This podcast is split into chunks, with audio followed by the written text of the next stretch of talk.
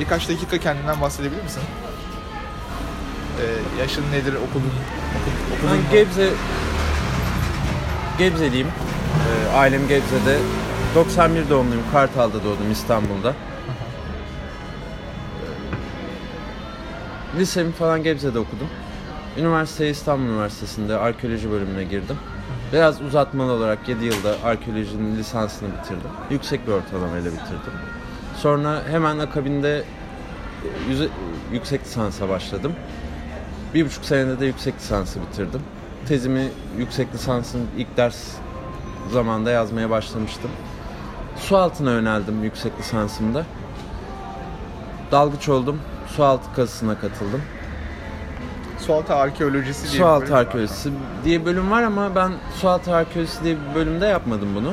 Yine düz arkeoloji olarak yaptım yüksek lisansımı ama konum sualtıydı yüksek lisans tezim. Hocalarım bu konuda çok e, kendilerini geliştirmedikleri için e, sıkıntılı bir tez aşaması oldu. Benim yaptıklarımı kabul etmek zorunda kaldılar. Tabii dışarıdan birkaç danışmanla konuştum, çalıştım yani. E, bu süre boyunca ilk önce karada çalışırken de hep kadro bekliyordum. Çünkü uzun süreli çalıştım kazılarda. Akademide kadro bekliyor. Akademide kadro bekliyordum ama açılmadı. Bize bunu sunmadılar.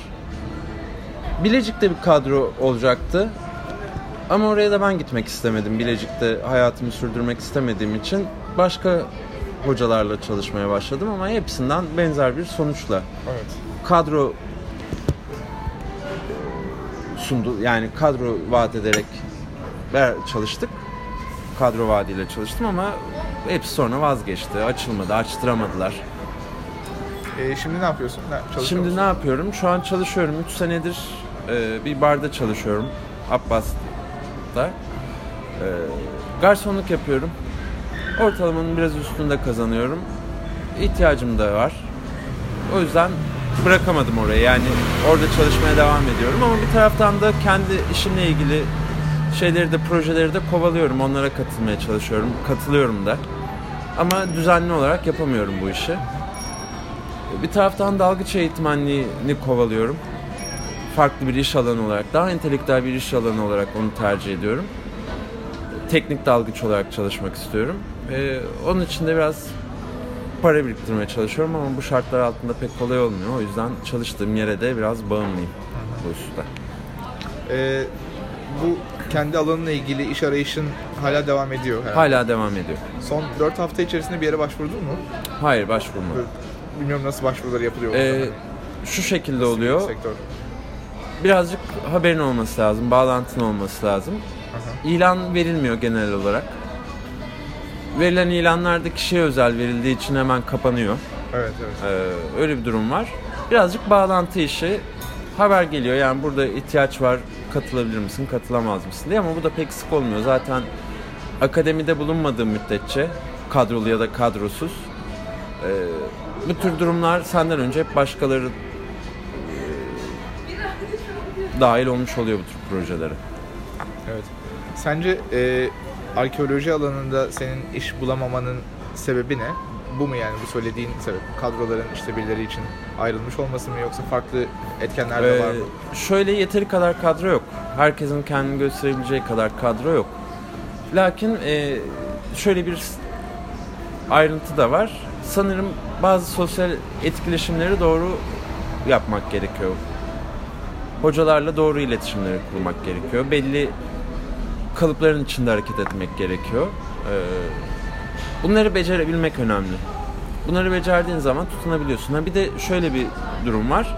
Fazlasıyla boş vaktin olmalı.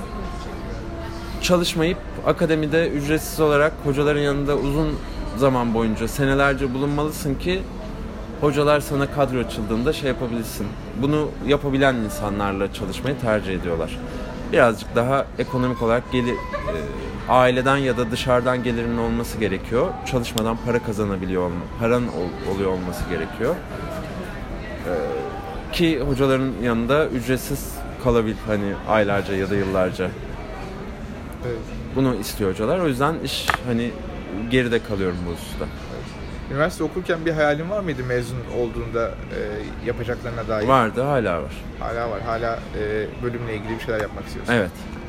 Güzel. E, peki şu an o hayaline ne kadar uzaksın?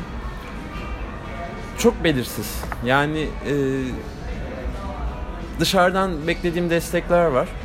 Bunlar olduğu zaman çok hızlı dahil olabilirim. Yani birkaç ay içinde tekrar dönebilirim. Ya da senelerce de e, bunu kovalayabilirim emin değilim. Evet.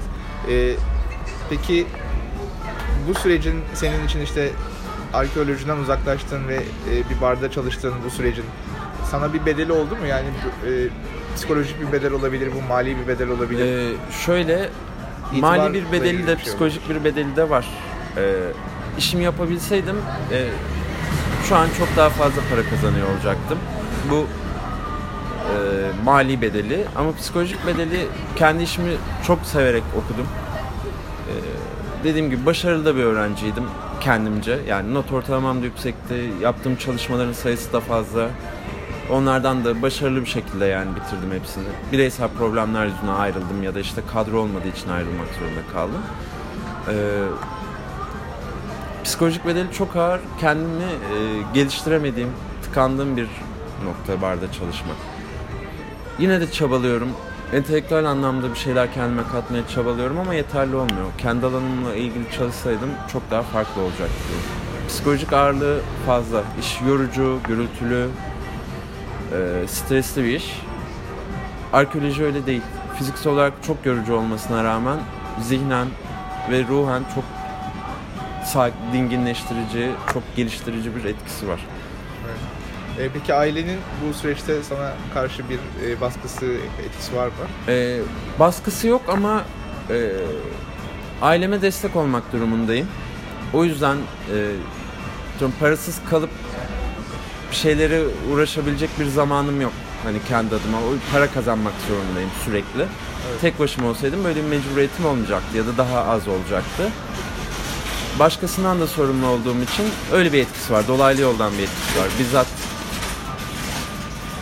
düşünceleriyle bir baskı ol- oluşturmuyorlar. Hani onlar da desteklemek isterlerdi beni. Tamam. Bizim yani genel olarak konuşacaklarımız bu kadardı. Hı hı. E, araştırmamıza katkı sunduğun için teşekkür ederiz. Tekrar biz seni rahatsız edeceğiz. Tamam.